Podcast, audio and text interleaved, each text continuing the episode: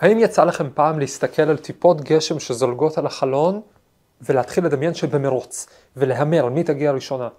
האם יצא לכם לנסוע בכביש, לעקוף מישהו, ואז לראות שהוא עוקף אתכם, לנסות לעקוף אותו עוד פעם, ומפה לשם לגלות את עצמכם באמצע מרוץ, למרות שאתם בכלל נוסעים למקומות שונים. אם דברים כאלה קורים לכם, ברכות, ברכותיי, יש לכם גם את חיידק התחרותיות. והחיידק הזה, כדרכם של חיידקים, יש לו יתרונות וחסרונות. מצד אחד התחרותיות ממריצה, מצד שני היא עלולה לקחת אותנו למקומות לא בריאים. אבל האמת שיש בתחרותיות הרבה מעבר לתובנה הבסיסית הזאת. בואו נזהה ארבע סכנות צפויות מתחרותיות, נדבר על התסכולים של המתמטיקאי הווייטנאמי ושל הסטודנטית הישראלית, ובסיפור האחרון והחמישי נדבר על הסיפור הנשכח של המרוץ לחיסון, לא של הקורונה, של הפוליו, שחושף תוצאות לוואי חיוביות, בלתי צפויות, לתחרותיות, במדע ובחיים. שלום לכם, תודה שהצטרפתם אליי לפודקאסט, המדע מחפש משמעות. אני דוד אייזנברג, אני פרופסור לכימיה בטכניון, בפודקאסט הזה אני מדבר על יצירתיות לסוגיה, על מימוש הפוטנציאל האישי, והיום נדבר על תחרותיות. סכנות מול יתרונות לא צפויים. אולימפיאדה, קו הזינוק, שמונה רצים, עומדים לצאת לדרך לעבר קו הסיום. איך לצאת מנצחים, בעיקר ממה להיזהר. נקודה מספר אחת מתוך ארבע הנקודות, האם זה מרוץ אישי או שזה מרוץ שליחים. קודם כל חידה, מי יכול לנקוב בשם של מתמטיקאי ידוע? אולי מאזיני הפודקאסט משכבר ימים יגידו פול ארדש, המתמטיקאי המטורלל, מישהו אחר? טוב, אם אתם בווייטנאם, גם ילדים בגן יודעים להגיד שם של מתמטיקאי ידוע. כמובן זה נגו באו צ'או. אם לא שמעתם על נגובה אוצ'או, כנראה זה אומר שאתם לא וייטנאמים ואתם גם לא יודעים בעל פה את כל רשימת זוכי מדליית פילדס. נגו באו צ'או מתמטיקאי דגול, היום הוא בן 51 בערך, בגיל 38 הוא זכה במדליית פילדס, זה פרס נובל של המתמטיקאים. אבל הוא התחיל את הקריירה שלו במתמטיקה כגאון קטן עם שיער מסורק הצידה באולימפיאדות בינלאומיות למתמטיקה.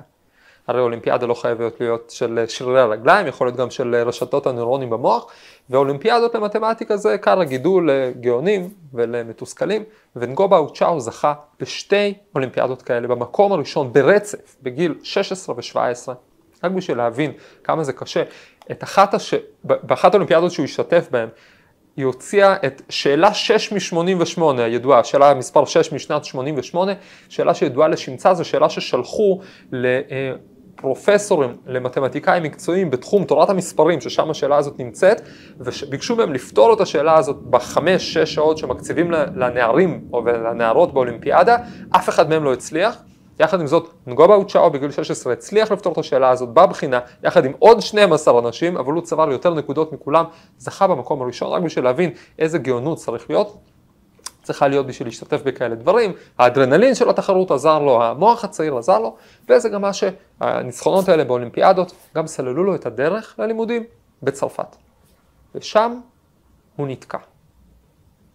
נגובה אוצ'או ישב לבד במשרד והרגיש שאין לו במה להתחרות יותר, אין לו במי להתחרות יותר. נכון, הוא בחר בתור בעיית דוקטורט ללימודים שלו, למחקר שלו, את אחת הבעיות הכי גדולות וקשות במתמטיקה, אבל עדיין זה לא הרגיש לו כמו אולימפיאדה.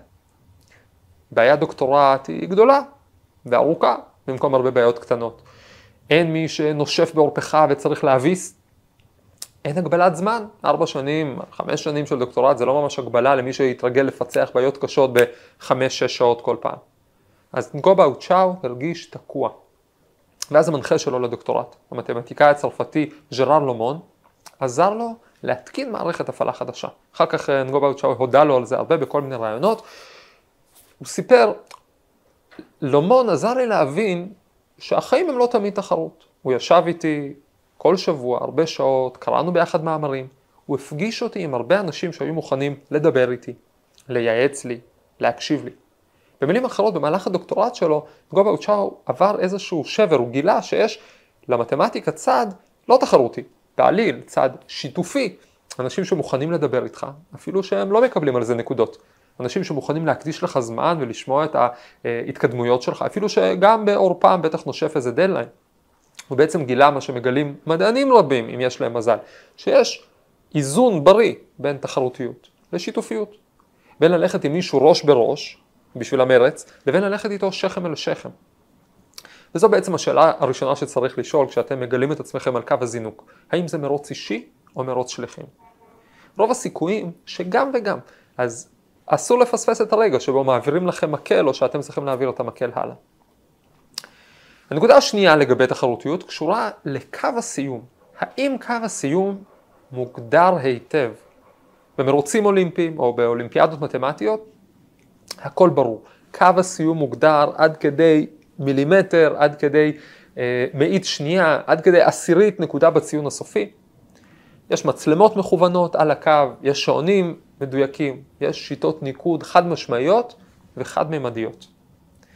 וההתמכרות הזאת למדדים כמותיים, שכל כך טיפוסית לכל כך הרבה סוגי תחרויות, עלולה לגרום לנזק גדול בסיטואציות אמיתיות.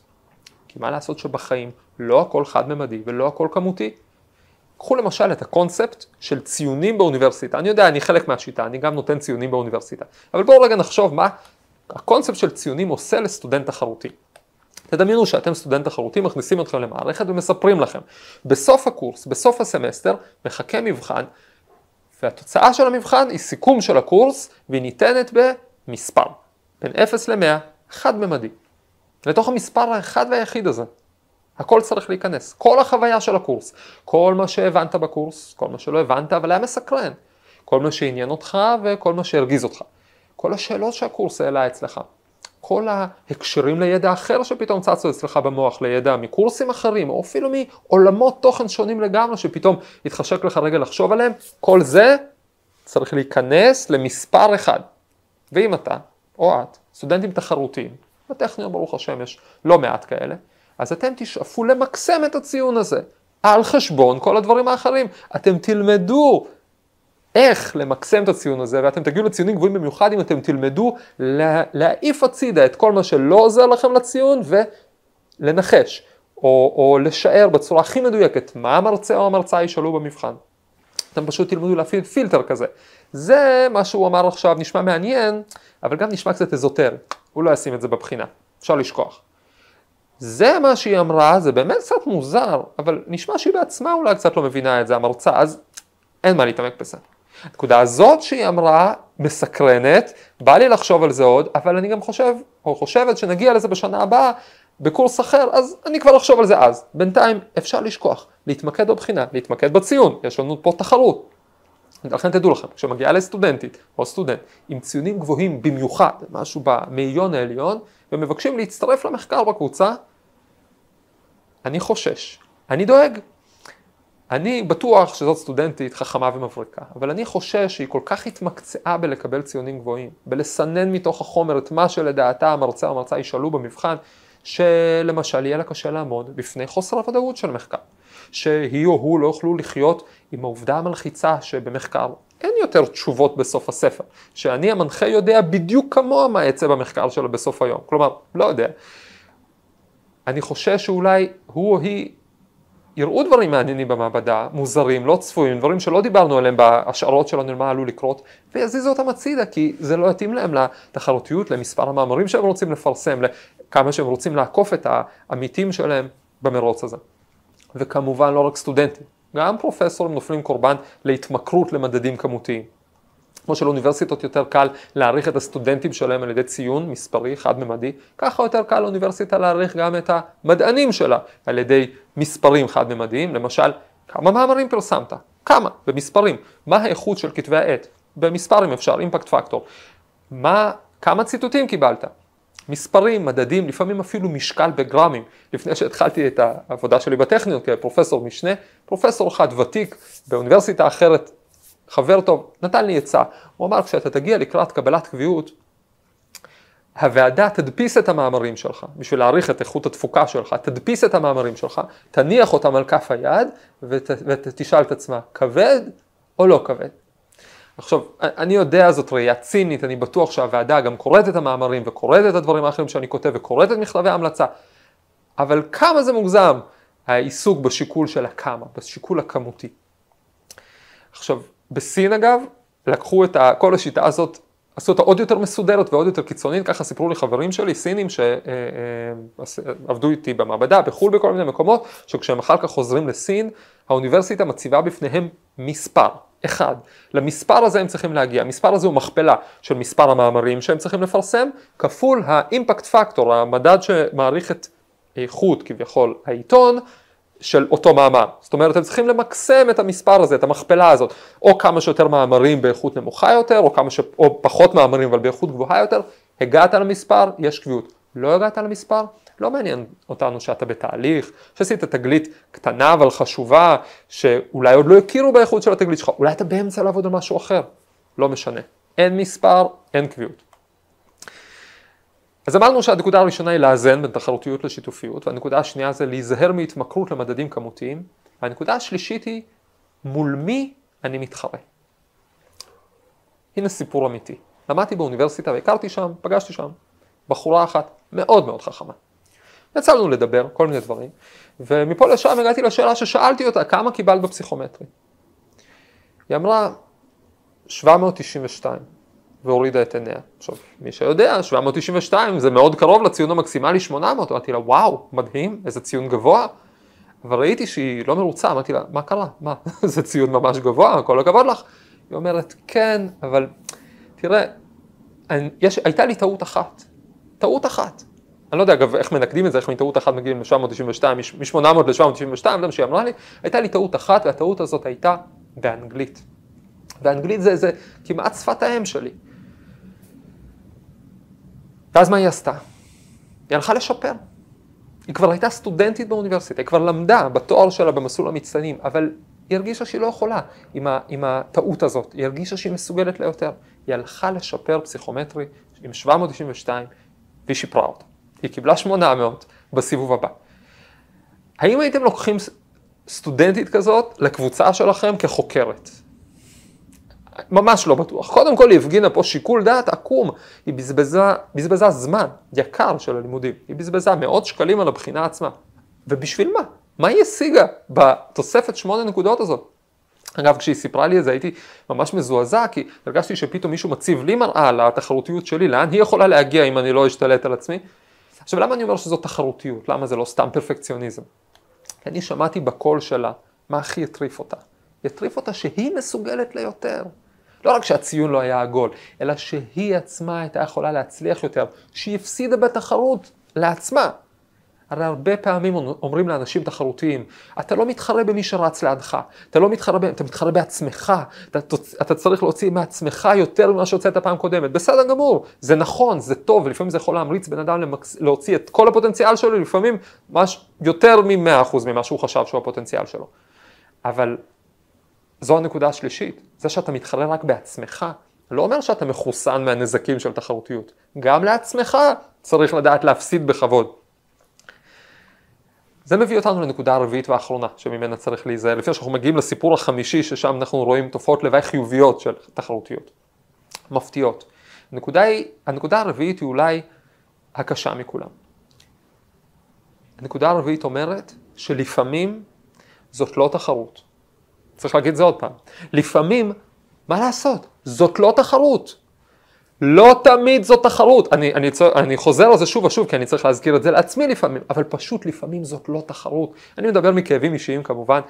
אולי הדוגמה שהכי הראתה לי כמה זה אצלנו חזק, זה כשראיתי את הבן שלי, בן ארבע, כנראה שזה עובר בגנים, זה היה כשגרנו בהולנד, בן שלי הלל, הבכור, והייתה היה שבת, יצאתי מהתפילה. עכשיו, הייתה תפילת בוקר, יצאתי קצת קודם, וסיימתי טיפה לפני הזמן, והוא היה בחוץ עם הילדים ליד העוגיות, ואז הוא ראה שאני יצאתי, ושאחרים עוד בפנים, אמר, נגמר?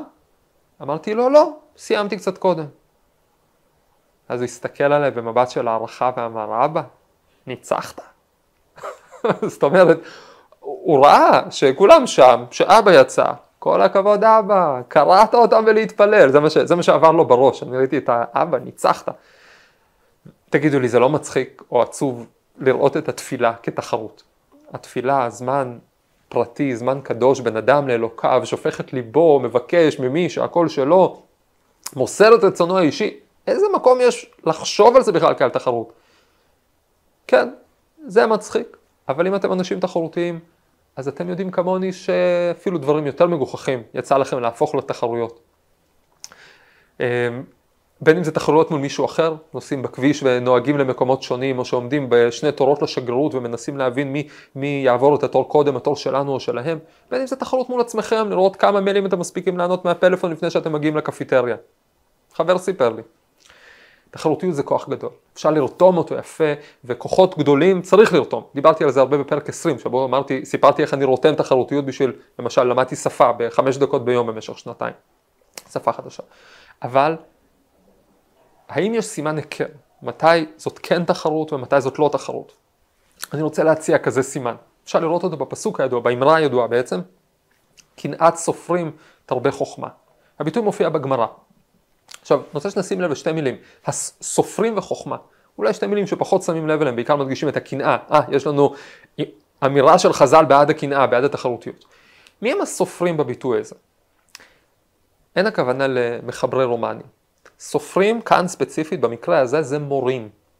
ומדובר שם, בסוגיה הזאת בגמרא, במקרה של עיר, כנראה קטנה, שיש בה מורה, שמלמד את הילדים, מה שנקרא תינוקות, מלמד תינוקות. ועזרא הסופר תיקן להם תקנה, שמותר להכניס עוד מורה שיתחרה בו, אפילו שזה עלול לקפח את הפרנסה שלו. למה? כי קנאת סופרים תרבה חוכמה. תוספת של המורה הנוסף, מתוך התחרות ביניהם, שניהם יעשו את העבודה שלהם יותר טוב, ילמדו את החוכמה יותר טוב, שניהם ירבו יותר חוכמה. כלומר, יש כאן תחרות ככוח מניע וחיובי, אבל באיזה תנאי? בתנאי שהם מרבים את אותה חוכמה. לא נאמר, קנאת סופרים תרבה חוכמות, או קנאת סופרים תרבה חכמים. קנאת סופרים תרבה חוכמה, חוכמה ביחיד, כלומר מטרה אחת ויחידה. זה הקריטריון. אם התחרות היא לעבר אותה מטרה טובה, אז יש סיכוי שהיא תביא טוב. אם ניזהר בשאר הדברים כמובן. איפה רואים את זה יותר טוב מאשר בסיפור החמישי והאחרון? שם גם רואים את הבונוס שתחרותיות נותנת. זה הסיפור הנשכח משהו על המרוץ אל החיסון. אנחנו זוכרים את המרוץ אל חיסון הקורונה, אבל הפעם הראשונה שמרוץ לחיסון עצר את הנשימה של העולם היה בשנות החמישים בארצות הברית, בזמן מגפת הפוליו, פוליומיאליטיס. עשרות אלפי נדבקים מדי שנה, אלפי מתים, משותקים, בעיקר למרבה הזוועה ילדים, ואין לאף אחד מושג איך לעצור את זה. עברו, עוברים 60 שנה בערך מאז הפוליו כמעט מוגר מ-300 אלפי מקרים למאות ספורות של מקרים, וזה קרה בזכות שני רופאים יהודים מניו יורק, שגרו שניהם במרחק כמה שכונות זה מזה, והתחרו זה בזה, ראש בראש, בסקאלה של כל הפלנטה, על מי יביא את החיסון ראשון. אגב, מי שיש לו ילדים בארץ, היום לוקח אותם לטיפת חלב, יודע שנותנים לילדים שני סוגי חיסון פוליו. קודם נותנים חיסון פוליו מומט בזריקה, ואחר כך חיסון פוליו חי מוחלש, וירוס חי מוחלש דרך הפה. טיפות כאלה. ובעצם אלה שני הפתרונות השונים ששני האנשים האלה הציעו. מצד אחד, בואו נראה את המתמודדים בתחרות. יש לנו את הרופא הבכיר יותר, דוקטור אלברט סייבין, או בשמו המקורי, אברהם ספרשטיין. הוא ברח לניו ג'רזי מפני הפוגרומים בפולין, הוא, הוא המבוגר יותר, הוא הראשון שמגלה שווירוס הפוליו תוקף קודם כל את המעיים ורק אחר כך את מערכת העצבים. הוא הראשון שמצליח לגדל את הווירוס ברקמות במעבדה, והוא זה שמציע את החיסון החי מוחלש שאפשר לקחת דרך הפה. אבל בעורפו נושף ג'ונס סלק, או בשמו העברי יונה סלק, שכ... גר בשכונת מהגרים אחרת בניו יורק, צעיר ב-12 שנה מציע פתרון לגדל את הווירוס במעבדה, להרוג אותו ולהזריק. וירוס מומת, פתרון השני. בכנס מדעי חשוב, סייבין המבוגר יותר קוטל את סלק הצעיר יותר, לפני כולם, מבייש אותו, והיריבות הזאת הופכת להיות יריבות אישית. סלק הצעיר מאיץ את הניסויים, בודק על קופים ראשון, עובר ראשון לניסויים על בני אדם ומארגן את הניסוי הגדול ביותר בזמנו אי פעם, 400 אלף איש בארצות הברית. הוא מספיק לעקוף את סייבין, עכשיו סייבין כבר לא יכול לבדוק את החיסון שלו בארצות הברית, כי רמת הנוגדנים של כל האוכלוסייה מתחילה לעלות, זה כבר לא ניסוי נקי, סייבין חוצה את האוקיינוס, הולך לברית המועצות, הוא מגייס שם את המדע והרפואה הסובייטים, ובסופו של דבר כ-15 מיליון איש בברית המועצות מקבלים את החיסון של סייבין.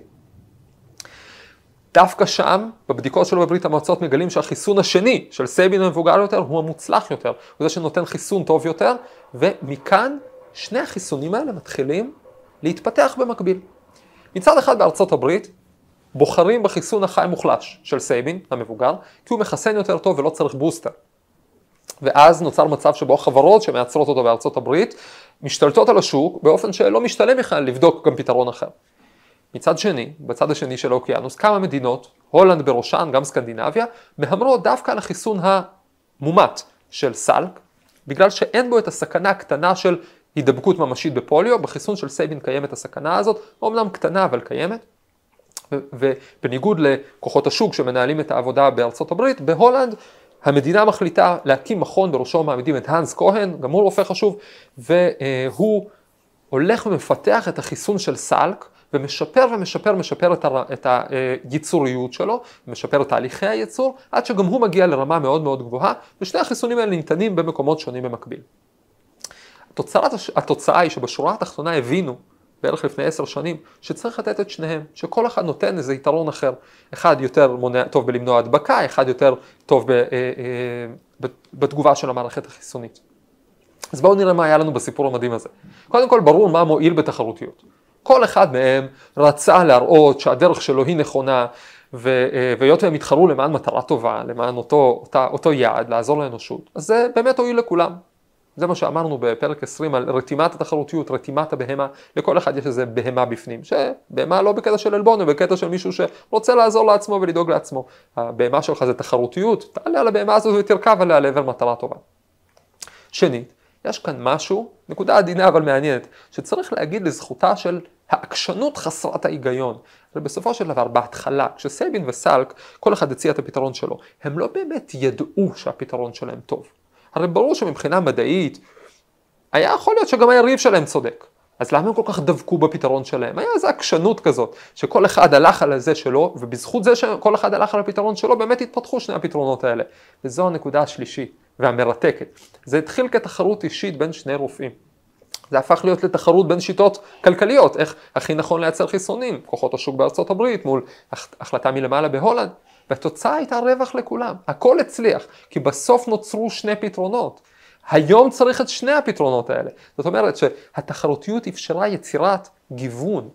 גיוון זה עניין קריטי במדע, שיהיה ריבוי רעיונות, ריבוי כיוונים, לפעמים הם ישלימו אחד את השני, לפעמים כל אחד יחשוף כיוון אחר, אי אפשר ללכת, התחרותיות דוחפת אנשים ליצירת הגיוון הזה. קדימה חברים בואו נצא למרוץ, אבל ננסה לוודא מול מי אנחנו מתחרים או לצד מי. האם המדד לניצחון הוא כמותי וחד-ממדי או שיש לו איזה עומק? ובעיקר נוודא שכולנו רצים לעבר אותה מטרה נעלית, מרבים את אותה חוכמה, את אותו טוב. לפעמים ראש בראש ולפעמים שכם אל שכם. בהצלחה.